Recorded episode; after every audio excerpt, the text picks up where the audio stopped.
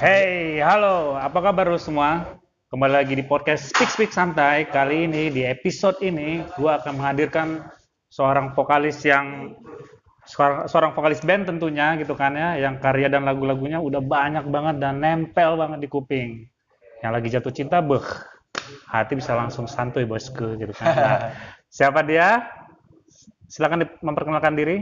Saya Rian Eki Pradipta, biasa dipanggil Rian The Massive. Halo Rian, thank you banget udah mau Sama-sama. isi di konten podcast gue. Siap, siap Mas.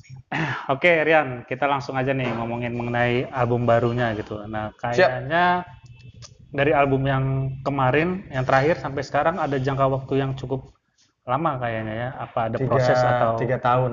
Ya, itu Iya. ada proses apa beda? Sebenarnya kalau album tuh The Massive salah satu band yang baru kelar bikin album, udah siap lagi album selanjutnya. Sel- Iya. Selalu begitu. Ya. Dari album pertama kita udah siap album kedua, album kedua kita udah siap album ketiga, Mhm.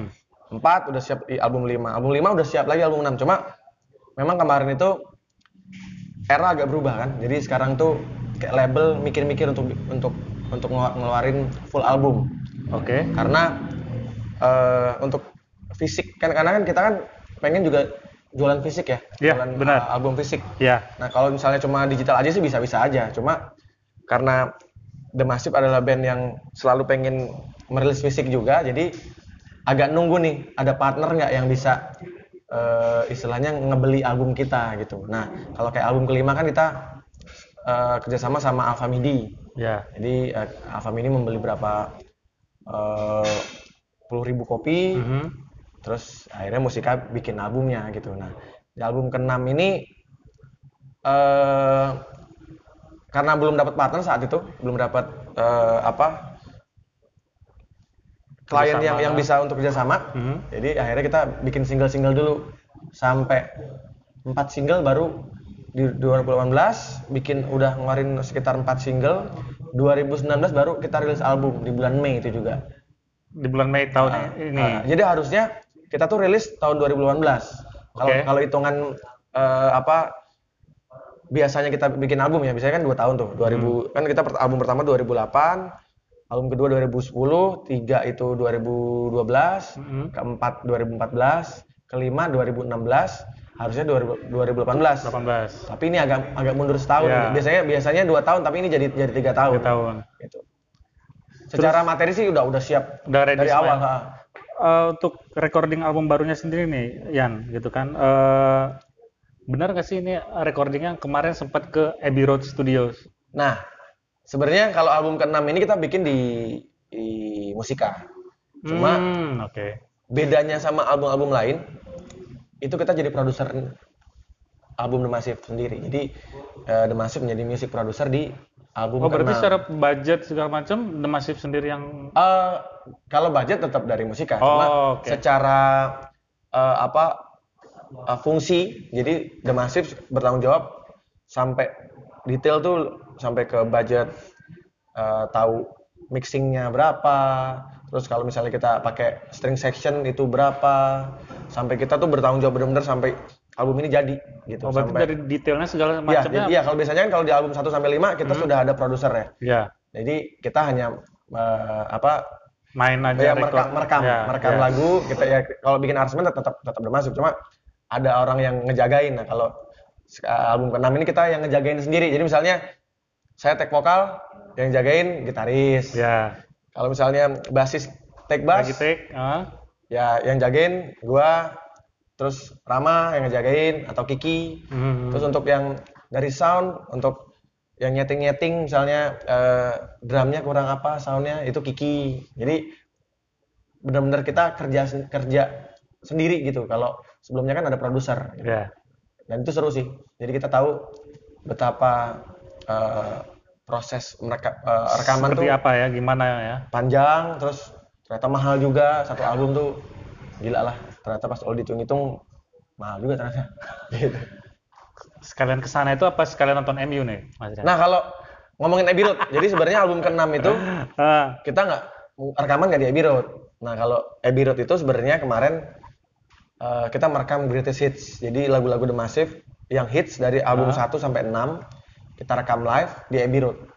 Nah sebenarnya kenapa Eh, rekam live berarti ada arrangement ada beberapa yang di aransemen. Jadi kalau kayak cinta ini menuku itu kita ada string sectionnya, terus temponya agak agak agak lebih Oh, pelan, jadi oke, lebih oke, lebih oke. dalam lagi. Terus em, jadi kita merekam 20 lagu, ada yang akustik version sama yang full band.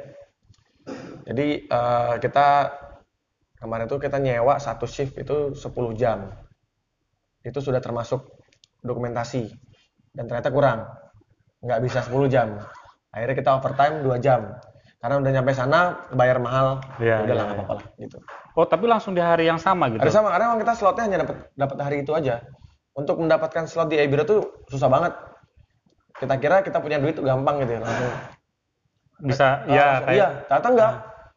Lu punya duit banyak pun kalau band lu nggak siap, band lu menurut mereka tidak layak rekaman di Oh. sana ya nggak akan diterima. Oh, berarti bukan bukan karena oh dia punya budget nih segala macam bisa bisa rekaman sana. Nggak nggak bisa Oh, sembarangan. ada ada spesifikasinya ada sendiri. screeningnya. Jadi ini dilihat nih band ini mainnya bener nggak, Hmm. punya berapa album, live-nya gimana, bisa main musik bener nggak. Kan- Secara Abbey Road ya. Iya, jadi memang mereka punya standar musisi yang eh, apa kira-kira layak nggak eh, dia rekaman di sana dan eh, nggak sampai situ aja. Selain secara eh, apa, secara kelayakan itu dilihat juga apakah band ini siap atau apakah band ini bisa bermusik bener.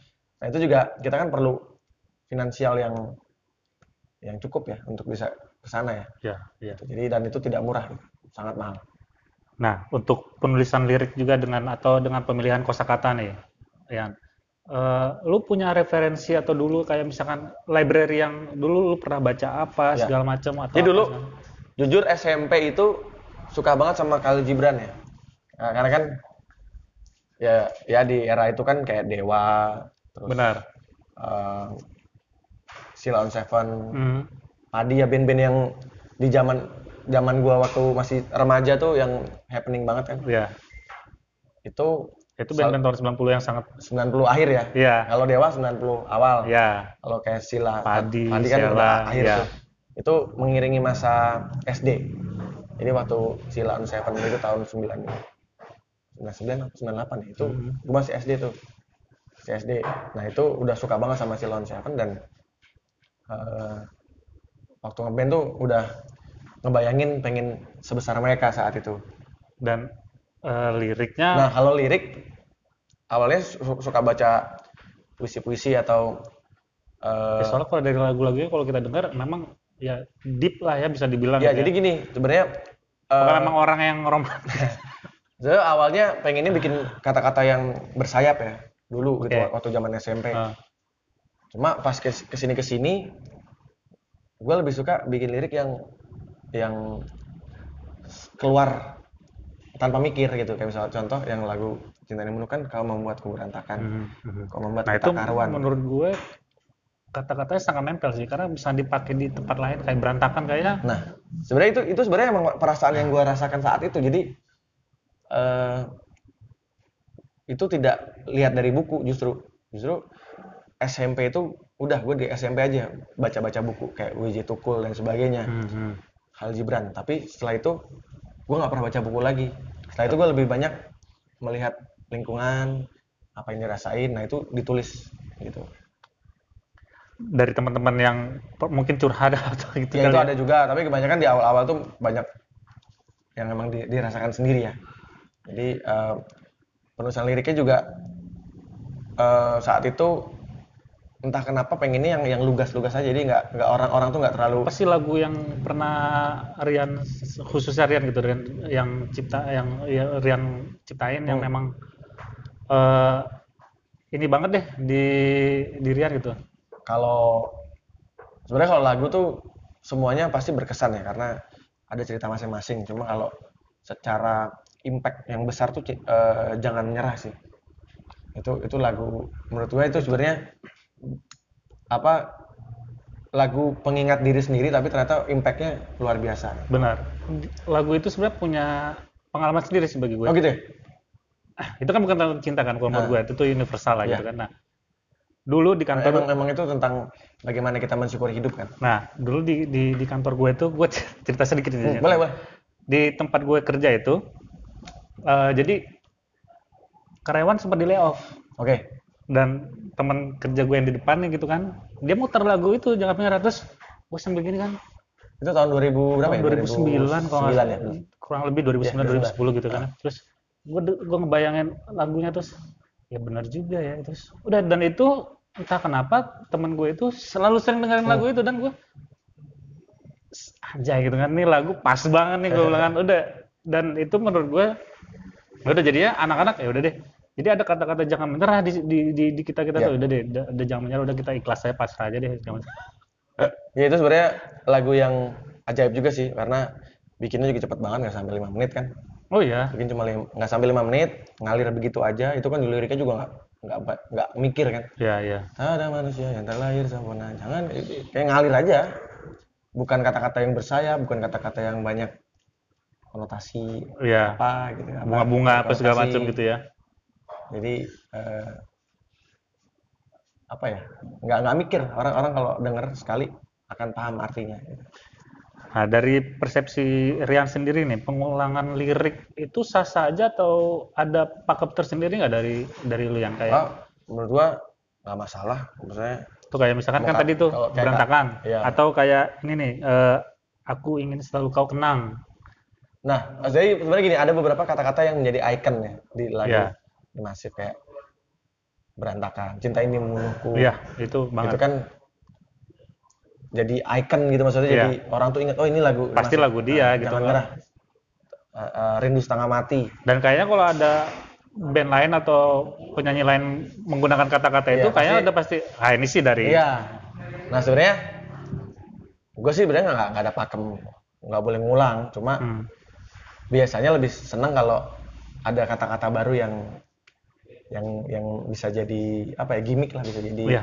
satu hal yang line satu- gitu ya. jadi- jadi satu hal yang menarik ketika kita dengar lagu gitu tapi kalau pengulangan sih gue nggak nggak ada masalah sih karena kalau bikin lagu tuh biasanya ngalir kan dan sesuai dengan apa yang dirasain nah itu yang sebenarnya nggak bisa kita momen ya. Itu Iya. udah udah Iya, jadi kayak gue pernah bikin lagu lelaki pantang menyerah. Itu sebelum bikin jangan menyerah. Nah itu ya keluar gitu aja gitu nggak pernah mikir nanti gimana nanti gimana. Jadi Iya, iya. sekarang ini yang gue lakukan adalah ya berkarya terus tanpa berpikir lagunya laku atau enggak. Karena dari, dari awal gue nggak pernah berpikir lagu lagu gue bakal laku. Nah, itu dia tuh. Itu sebenarnya mau gue tanyain gitu. Kayak misalkan di The Massive sendiri ada batasan-batasan nggak ya? Atau eh, apa? Kayak pemikiran gitu. Kalau lagu ini tuh harus begini, lagu itu, lagu itu tuh harus begitu. Eh, kayaknya kalau The Massive nggak boleh deh lagunya kayak gini gitu. Kayak misalkan eh, ada hook yang memang harus dipertahankan gitu Ya, agar laku di pasaran. Ada beberapa lagu yang secara lirik tuh kalau diperhatiin itu lagunya nyeleneh gitu. Hmm. ada lagu album pertama itu tak pernah rela itu sebenarnya lagu tentang seorang cewek eh, wanita malam yang yang sebenarnya jadi gue suka sama seorang Sosok itu lah. sosok itu Ah. nah gue nggak pengen dia dijamah lagi sama orang sama orang lain gitu nah itu kan sebenarnya agak nyeleneh kan Ya. Maksudnya, tapi kata-katanya aja yang yang halus gitu terus kayak apa salahku tuh tadinya liriknya ini ini gue baru baru baru gue ceritain nih jadi Tuh, baru diceritain nih. eh, apa salahku aslinya liriknya gini akhirnya kini aku mengerti apa yang ada di otakmu selama ini. Kau hanya ingin mendapatkan tubuhku saja. Ya, harus aslinya itu. Oh iya. aslinya itu. Tapi sama buacin terlalu kasar nih. Ya ya udah. Akhirnya gue gue ganti di pikiranmu selama ini. Otak diganti di pikiranmu terus Ah. eh, kau hanya permainkan perasaanku. Jadi Nah itu dari dari lirik sendiri ada berupa kayak The Massive kan menurut gua sebuah produk mungkin ya. ya Jadi kayak ada brand perception atau brand image yang harus dibangun gak sih dari Sebenarnya- lirik itu sebenarnya? image-nya The Massive itu di, kayak terbentuk dengan sendirinya gitu. Jadi kayak kita tuh beruntung jadi salah satu band yang nggak terlalu diatur sama label. Hmm. Secara musik, secara lirik, ya lirik tetaplah kita harus kompromi ya karena Ya. bagaimanapun kayak musika kan ngeluarin duit banyak buat Ya. kita kan. Jadi kita perlu juga, maksudnya tingkat kedewasaan kita tuh di, diuji ketika kita bisa berkompromi, berkompromi dengan pihak lain, termasuk label. Kenapa kita harus, kompromi? Karena mereka mikirin jualan, kita nggak mikirin. Ya. Jadi nggak wajar. Makanya eh, sebenarnya tapi kalau misalnya ada band yang idealis itu nggak mau Mhm. masuk label ya nggak masalah juga. Indie label lah Iya. gitu misalkan ya. Maksudnya kan kalau kalau indie kan bebas ya bikin lirik Iya. bebas mau artinya juga orang nggak ngerti juga bebas gitu kan. Iya, iya, iya. Tapi kalau eh, ketika kita dengan major label memang harus ada yang dikompromiin. Tapi tetap harus win-win solution juga. Kayak kita juga tetap Jualan iya. ya tetap harus dapat eh, apa ya eh, kita jangan sampai kita mainin musik yang nggak kita suka. Itu yang bahaya kan? Ya karena ya harus nyaman juga ya. harusnya mah jadi ya alhamdulillah kita termasuk band yang selamat lah. Secara ini ya secara musik. Ya. dan alhamdulillah ternyata sampai sekarang pun masih diapresiasi manggung kita masih banyak. Bahkan eh, regenerasi pendengar juga. Sekarang kita sering lagi sering main di pensi-pensi tapi juga main di Ya, lounge. ka- karena menurut gua memang lagu itu tadi lirik-liriknya The Massive menurut gua ya nempel di kuping gitu. ya mudah-mudahan. Terus dalam menciptakan lagu juga nih ya, maksudnya ada di setiap albumnya tuh ada perubahan kayak eh, pengen ah nuansanya atau ambience-nya itu gue pengen berubah deh gitu kan atau Pasti. atau memang ada karakter yang memang dipertahankan gitu. sebenarnya kalau The Massive itu nggak akan pernah bisa lepas dari pop ya tapi popnya itu selalu terus berkembang jadi kalau di album satu itu eh, distorsinya itu berasa gitu album kedua lebih agak ngepop dikit tapi ada beberapa lagu-lagu yang yang eh, tetap eh, ada kayak lagu semakin kan itu dari album kedua juga. Tapi lagu-lagu hits The Massive itu justru yang secara ringback tone saat itu sampai belasan juta itu justru di, di, di album kedua. Rindu Setengah Mati itu 12 juta download saat itu. Oh iya, Ha-ha. makanya kebeli ruko amin. itu terus eh, album ketiga lagi suka band-band Irlandia. Jadi secara fashion tuh kita rapi Pakai- gitu. ya, ya. rapi, pakai jas pakai ini album keempat Berarti eh, memang ada ceritanya yang pengen iya. dibangun ya sama pasti jadi setiap album juga kita termasuk band yang covernya juga selalu ada maknanya album satu nggak ada kepala ya. album kedua jalan di antara perjalanan Kalau album kuda tuh ada kepala nggak ada kepala. nggak ada lagi. Jadi tapi ya. kita lagi di jalan perjalanan itu Oke. sebenarnya lagu itu kenapa perjalanan karena itu album yang di- kita bikin pertama kali di jalan semuanya. Demonya di jalan, Oh iya. di bis, di hotel, di pesawat. Balik lagi tadi ke yang album pertama yang nggak ada kepala itu kalau itu maknanya gimana tuh? Sebenarnya ya? kita pengen orang tahu karya kita bukan orangnya. Oh karena, berarti karena emang kita juga hajar dulu nih sama karyanya secara gitu. tampang juga kan gue juga biasa aja. Jadi yang dijual harusnya karyanya dan itu memang akhirnya orang melihat itu. Tapi suaranya Rian sih kalau menurut gua memang ya menurut- band yang salah satu punya karakter kuat di vokal ya The Massive sih menurut gua. Ya, itu orang lain yang menilai kalau gue nggak bisa menilai. Nah, eh, tadi cerita mengenai eh, fisik album gitu kan. Iya. Nah, di zaman sekarang ini kalau menurut pandangannya Rian sendiri gitu, eh, seberapa penting sih album rekaman? Album fisik ya. Iya. Em, karena gue memang pecinta rilisan fisik ya, dan gue masih bisa dibilang em, Karena sekarang kayak eh, zamannya tuh single udah keluar di Spotify di ya mana makanya segala gue kan melewati gitu. berbagai macam era nih. Ya, Gue dulu suka eh, kaset kan dari gue dari zaman kaset, ya, terus CD, yes. em, sampai Itu akhirnya kaset Walkman tuh ya. ya sampai akhirnya ke digital.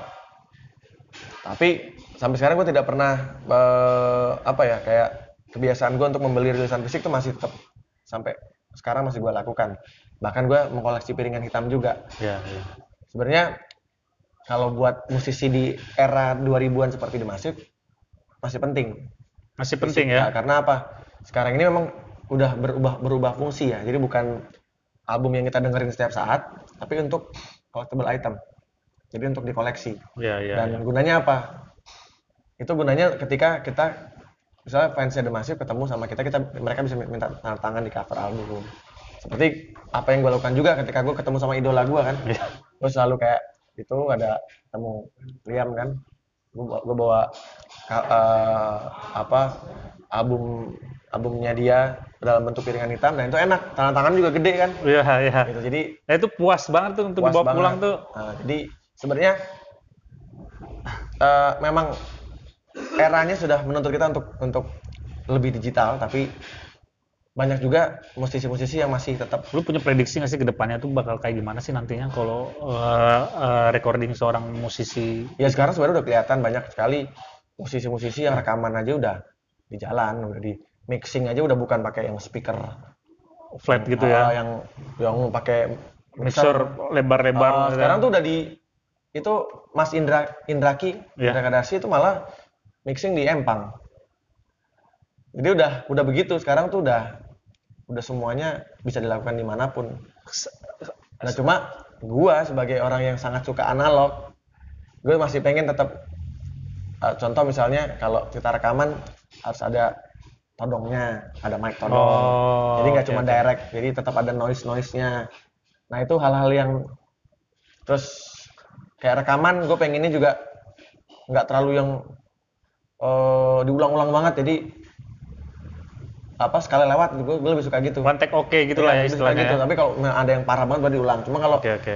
masih aman gue mendingan one take oke ntar tinggal diedit edit dikit gitu jadi rasanya tetap tetap Tetap ada ya. tetap apa bisa orang bisa ngerasain juga Nah, kayak orang kan sekarang mungkin dengerinnya di kayak di speaker-speaker yang bukan yang speaker-speaker bagus gitu kali ya, gitu kan. Ah. Nah, itu kan kayak bunyi-bunyian itu penting nggak menurut lu yang kayak bunyi-bunyian yang kecil-kecil yang kadang nggak berasa itu di speaker-speaker yang Oh ya, itu kan lebih ke detail mixing ya. Biasanya Iya. kalau di kalau di piringan hitam agak keluar tuh, nongol tuh. ya Kalau kita dengerin vinyl biasanya keluar apa sound-sound yang dan itu instrumen-instrumen yang kecil-kecil gitu. ya. mahal itu sih sebenarnya Ked- kedengerannya gitu. Ya, memang eh, ada kenikmatan tersendiri ya ketika Hmm. kita mendengarkan apalagi yang, yang audio kalau orang pecinta audio file tuh kayak Mas Ari Lasso tuh itu kupingnya juga peka banget tuh. Dia kalau dengerin mixing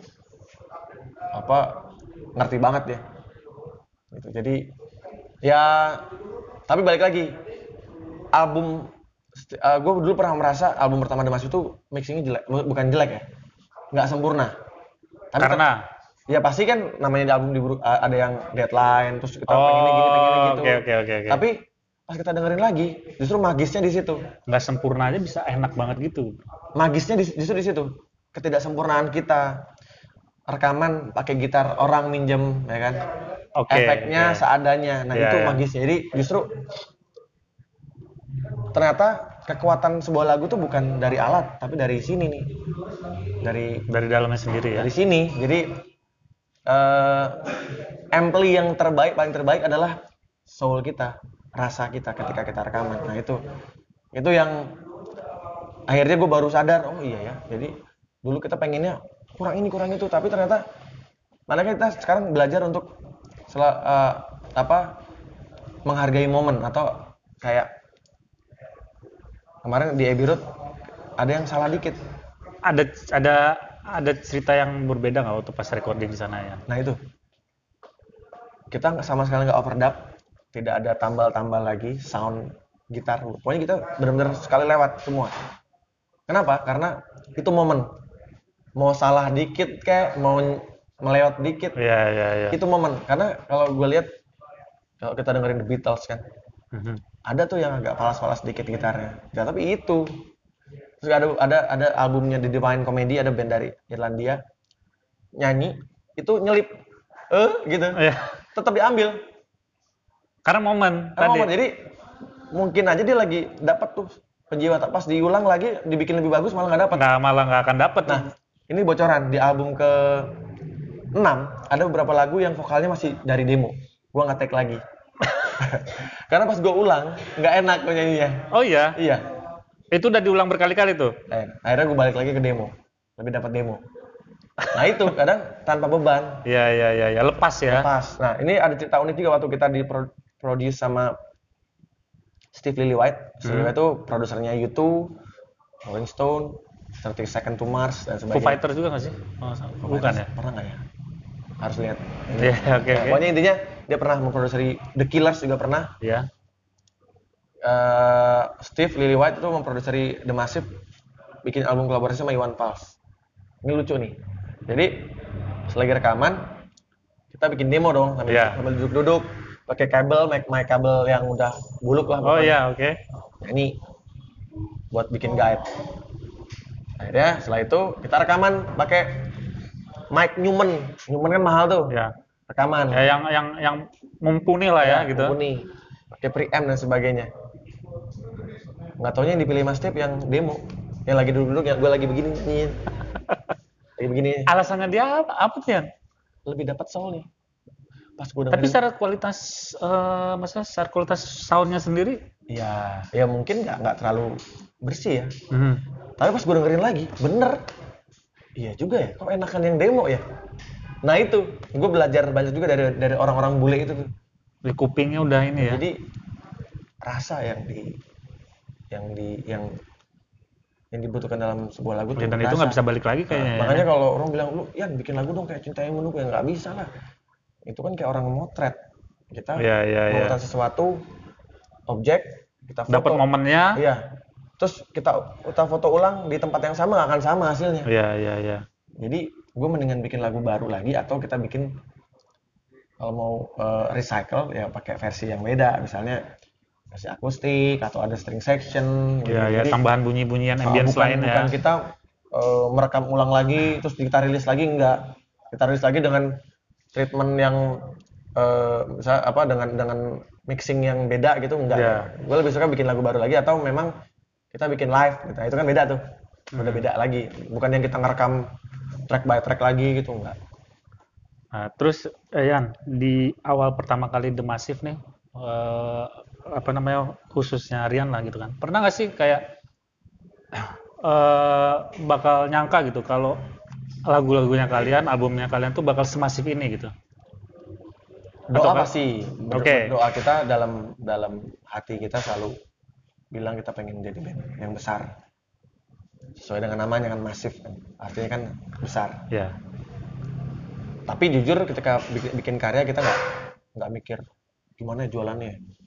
Laku nggak ya? Nggak, nggak. Bikin-bikin aja. Tapi kita punya mimpi, kita punya doa pengen jadi band yang besar, pengen jadi ada ada achievement yang pengen diraih ya, berarti. gitu apa lebih ke ya kita pengen jadi band yang semua orang apa lagu lagu-lagu kita dari dulu dong bayangin jadi gue tuh dulu kalau eh halo kalau manggung eh kalau bikin lagu tuh selalu ngayal ngayalnya tuh gue ngebayangin ada puluhan ribu orang nyanyi lagu jadi itu dari zaman dulu Panggung gitu ya. gue udah ngayal tuh bikin lagu tuh syukuri gue udah ngebayangin orang-orang pada, na- pada, naik pada naik gitu. punggung Iya, gitu kan oke, terus oke. apa eh, menikmati lagu-lagu Nah, tapi itu triknya vokalis tuh ya, kalau gue lihat. Di saat misalkan dia lagi nggak nyampe gitu kan, dia bisa ngasih kayak ke orang. itu sebenarnya triknya ketika lagi sakit Oh iya, lagi serak itu biasanya mau nggak mau begitu. Ya kan? nah itu beruntungnya kalau punya band yang lagunya banyak dihafal orang. Banyak banyak Iya, dihafalin lagu-lagunya. gitu ya. nah cuma eh ya awal-awal dulu juga pas lagi sakit dia tetap nyanyi. Gimana caranya? Nah, sebagai seorang vokalis, kan, eh gue penasaran gitu, kayak misalkan ada nggak sih tips-tipsnya untuk menjaga vokal itu tetap baik atau Ya. eh, semakin semakin hari itu ada fase yang semakin lama semakin bagus gitu? Ada nggak sih Ya, trik-triknya? jadi ini dulu sebelum The Massive masuk ke industri kan kita manggung paling cuma seminggu sekali. Hmm, Itu pun juga festival cuma dua lagu. Nah, ketika kita masuk industri kita udah mulai ma- masuk ke ke apa momen di mana kita manggung tuh hampir setiap hari tur dan dari pindah-pindah kota tuh. Ini ke sini ke sini loncat-loncat. Dari Sumatera tiba-tiba Kalimantan tiba-tiba ke Ambon. Ya. Nah, itu kalau fisiknya nggak kuat ya bisa tepar banget gitu. Nah, awal-awal dulu kaget gua. Jadi hampir setiap hari tuh gua ke rumah sakit suntik. Vitamin C? Atau suntik apa? ya buat buat suara buat pita suara. Oh ada itu ya? ada. Jadi dulu tuh kaget kan? Tur tiba-tiba setiap hari manggung gitu setiap habis manggung hilang suara. Besoknya suntik. Habis ada lagi suara. Habis manggung hilang lagi. Ya. yeah. suntik lagi. Gitu aja terus. Nah setelah itu baru gue mulai les vokal. Les vokal Oh, cari tahu kenapa kok gue sering habis suaranya. Ternyata yang paling benar adalah kita harusnya bisa eh apa menjaga menjaga apa ya adrenalin. Jadi kita nggak boleh terlalu eks, terlalu Iya. antusias gitu kita ya. nggak boleh diatur sama penonton. Kebalik kita harus bisa mengatur penonton. Jadi boleh excited boleh semangat itu. Tapi Iya. kita nggak jangan sampai kedodoran juga. Nah dulu tuh gua suka karena penonton banyak kan yang namanya band baru kan tiba-tiba yang nonton banyak. Iya. seneng teriak-teriak mulu. Ya udah habis terus nah setelah les vokal jadi dikasih tahu juga trik-trik suara suara biar tinggi biar aman bisa nyampe caranya gimana jadi ya akhirnya bisa lebih bisa mengatur adrenalin jadi gua setelah penontonnya heboh gua nggak Iya. terlalu yang heboh banget tapi kalau penontonnya agak flat Ya. ya gua harus bakar juga jadi bisa mengatur ritme Nah, untuk The Massive sendiri dan khususnya eh, Rian gitu kan. Eh, gimana sih kan menjaga eksistensi lu dalam dunia musik? nggak nggak usah ribet-ribet bikin lagu aja terus Pernah ada niatan nggak untuk solo karir gitu? saat ini sih nggak ada ya karena emang banyak mimpi yang belum diraih juga sih sama The Massive Nah, mau nanya tuh masuk ke situ. Lu eh, apa sih arti passion menurut Rian? Karena menurut gua tuh mimpi atau passion atau cita-cita tuh kadang kan berganti-ganti atau berubah-ubah Ya, atau gini. nambah gitu kan ya. ya gue beruntung punya lingkungan yang mendukung ya jadi bokap bokap gue adalah salah satu Ya, nggak apa-apa. itu pasti bisa Apa? yang Nggak menyala oh emang, emang mati Ya. Habis baterai berarti. oh, tapi aja. tapi masih bisa kerekam Ini? oh gitu Iya. oke Kita gua cek lagi ya. Harusnya sih nggak apa-apa karena gue bukan mau ke YouTube. oh habis Habis ya. Oke oke, lanjut Yan. ya passion ya Ya. Eh, untuk mencapai sesuatu buat gua totalitas itu penting ya totalitas eh, keyakinan. Nah gue beruntung dengan bertemu dengan teman-teman satu band yang punya visi dan misi yang sama. Mhm. karena band itu kan biasanya untuk menyatukan visi misi itu paling susah ya. Menggabungkan semangat. Nah gue beruntung banget Tuhan tuh mempertemukan gue dengan teman-teman itu. Padahal di, di saat itu teman-teman gue ini bukan orang-orang yang pemalas ya. Nggak bukan bukan orang-orang yang Ya, nggak ya. nggak suka sekolah gitu. Bandel itu enggak mereka pintar-pintar adik gue aja kan beasiswa di, di SMA 70 terus Rama juga pinter banget di 112 salah satu siswa yang yang cukup dilihat lah gitu. Saat itu. Jadi eh, mencintai apa yang kita lakukan itu penting banget. Nah dulu tuh kita memang dari awal udah untuk mencapai sesuatu tuh total banget. Kayak misalnya kita festival. Hmm. hari Sabtu Minggu Sabtunya audisi Minggunya final. Senin sampai Jumat kita latihan. Begitu ya terus tuh. Ya habit kita tuh begitu. Makanya disiplin kita udah dilatih sama bokap. Dia bokap tuh dulu nemenin yang tadi. Oke. bokap tuh nemenin kita dari nol. Apa yang dilakukan bokap untuk menjaga disiplin? Ya, disiplin. Kiki wajib fingering minimal 2 jam. Oh, oke. gue wajib untuk eh, ke Taman Puring beli eh, album-album referensi dan sebagainya untuk bokap selalu ngasih referensi-referensi. Terus yang lain juga latihan terus kita juga ada latihan rutin setiap hari Rabu dan Jumat. Nah itu di studio. Sisanya kita latihan di rumah. Jadi pertemuan jadi habis pulang sekolah tuh kita ketemu pasti. Rutin ya. rutin. Jadi emang habit kita udah beda dari band-band yang lain saat itu. Makanya kenapa kita sering juara festival, sering menang. Iya. Dulu juga kayak gue juga dulu jarang keluar, dengerin musik, tuh. musik kayak dengerin kaset, beli eh, beli kaset di Taman Puring. Jadi habitnya tuh udah beda dari anak-anak yang seumuran kita di Dia di mana yang dulu itu pada nongkrong gitu ya nongkrong, segala macam. gua enggak. gitu. Eh, kalau arti musik sendiri bagi Rian apa sih? Musik itu bagian dalam jadi kalau di di Black nih udah udah setengahnya musik nih. jadi, udah apa ya? Udah ngalir lah dalam dalam darah tuh. Udah udah ada tuh. Kalau di DNA dan Nah, musik DNA lah ya. ya udah udah musik jadi memang musik itu bikin bikin gua jadi orang yang yang peka sama sama banyak hal jadi eh, ya mungkin gue diarahkan sama bokap sih waktu itu ya Men- mendengarkan musik-musik yang bagus gitu kayak The Beach Boys Beach Boys oke. Beatles dong Beatles, pastinya pasti. ya. yang pop Chicago gitu gitulah Chicago Nah, keren. Kalau kalau yang rocknya Rio Speedwagon Kalau gue masih suka dulu eh, dari bokap juga sih itu Toto. Toto pasti, Toto udah pasti. Terus bokap tuh seneng tuh dengerin lagu-lagu ballad-ballad yang rock ballad kayak contoh eh, alias yang Iya. Iya. Gitu gitulah. Jadi gue tuh eh, udah terbiasa dengerin lagu-lagu yang enak dari zaman. Tapi gue juga dulu dengerin Mariah Carey, dengerin. Ya, tapi gini ya, bokap kan kayak tadi eh, nyuruh Kiki untuk fingering Ya. jam sehari gitu. Nah, bokap bisa ngeliat lu potensi sebagai vokalis gitu. Ya memang Atau dulu, memang- dulu eh, jadi jadi sebenarnya keluarga itu yang dari bokap tuh banyak penyanyi. Jadi oh, jadi oke. keturunan. Nurun jadi banyak da- dari keluarga bokap tuh penyanyi penyanyi, penyanyi musisi gitu.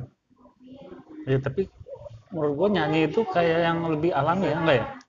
Bener nggak sih Ya, kalau ada anggapan nurun sih, nurun biasanya. nurun ya? Nurun Karena dari kecil mungkin Ah, udah ya sering- anak-anak gue sekarang kan suaranya juga bagus juga, jadi udah ya memang nurun bokapnya. Oh, iya ya? Suka seleranya juga gitu. Jadi memang lingkungan penting. lingkungan penting ya dalam hal Jadi- eh, tadi disiplin, Ya. eh, kreativitas. Ya ya kalau kalau kita sering gaul sama orang-orang yang sukanya misalnya eh, contoh gini deh, kalau kita dekat sama orang wangi kan itu jadi keluar wangi kan. Ya. Gitu. Ya sama lah kayak gitu. Kalau kita bergaul kan gitu juga. Dan kebetulan lingkungan gue tuh mendukung untuk gue apa ya eh, jadi bener-bener mencintai musik gitu. Karena emang setiap hari dengerin musik bokap tuh setiap hari dengerin musik terus. Ya. Setiap hari. Plus plus lah, Krisya lah. Ya di cafe ini aja juga ambience-nya udah sangat musik banget Ya. gitu. Ini memang gua banget ini. sama bola, sama bola. Iya. Nah, apa namanya mengenai bola tuh? Kenapa bisa suka MU sih? Ka- Karena gue juga MU banget. Oh, Cuman gitu. sekarang MU tuh, aduh, bapuk banget cuy. Iya. Ya, itulah ujian fans yang sesungguhnya adalah ketika si klub itu lagi di bawah. Tadi malam nonton kan nih? Nonton. Nonton ya? Satu sama. Iya. VAR tuh, aduh. Ya jadi gini, orang kalau kalau menang mulu enggak, itu mah pasti kita seneng. Nah, ujiannya adalah ketika ketika lagi kalah, lu masih tetap dukung nggak? Ya, jadi jangan jangan jadi glory hunter. Iya. Giliran menang lu baru, baru Kayak tim tetangga ini tim tetangga lagi banyak banget nih yang yang yang ini nih yang suka sama si Ya. biru itu. Ya makanya itu kan baru-baru aja kan. Maksudnya baru beberapa tahun belakangan.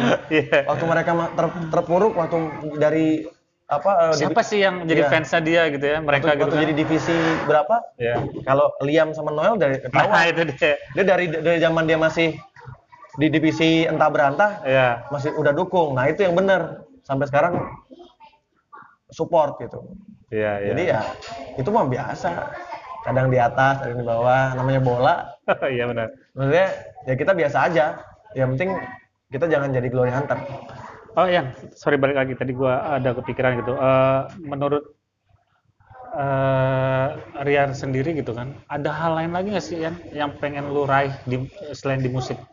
Maksudnya gini, bukan di selain di musik tapi eh lu pengen melakukan apalah gitu di demi musik gitu misalkan. Eh, sebenarnya gue udah mem- mempersiapkan lagu-lagu lagu-lagu berbahasa Inggris juga mimpinya sih pengennya kita world tour tapi dengan lagu-lagu bahasa berbahasa Inggris Siap, keren. mimpinya sih itu ya dan namanya mimpi kan kita nggak Boleh, tahu iya. Tapi Karena kita- mimpi kan gratis. ya tapi kita udah melakukan sesuatu gue udah bikin lagunya udah gue siapin tinggal nanti cari produser dari luar jadi biar taste nya jadi internasional Siap, siap. Oke, eh, thank you banget Yan udah boleh bermain di kafenya di sini di Food Siap. Update sambil ngobrol-ngobrol. Thank you for your hospitality and I really appreciate it. terima kasih Sukses selalu Yan Siap. untuk karir dan usahanya gitu juga Amin, untuk amin. The Massive gitu kan. amin Dan thank you buat lo semua yang udah mendengarkan obrolan gue sama Rian The Massive di podcast Speak Speak Santai. So, see you. The podcast you just heard was made using Anchor. Ever thought about making your own podcast? Anchor makes it really easy for anyone to get started. It's a one stop shop for recording, hosting, and distributing podcasts. Best of all, it's 100% free. Sign up now at anchor.fm slash new. That's anchor.fm slash new to get started.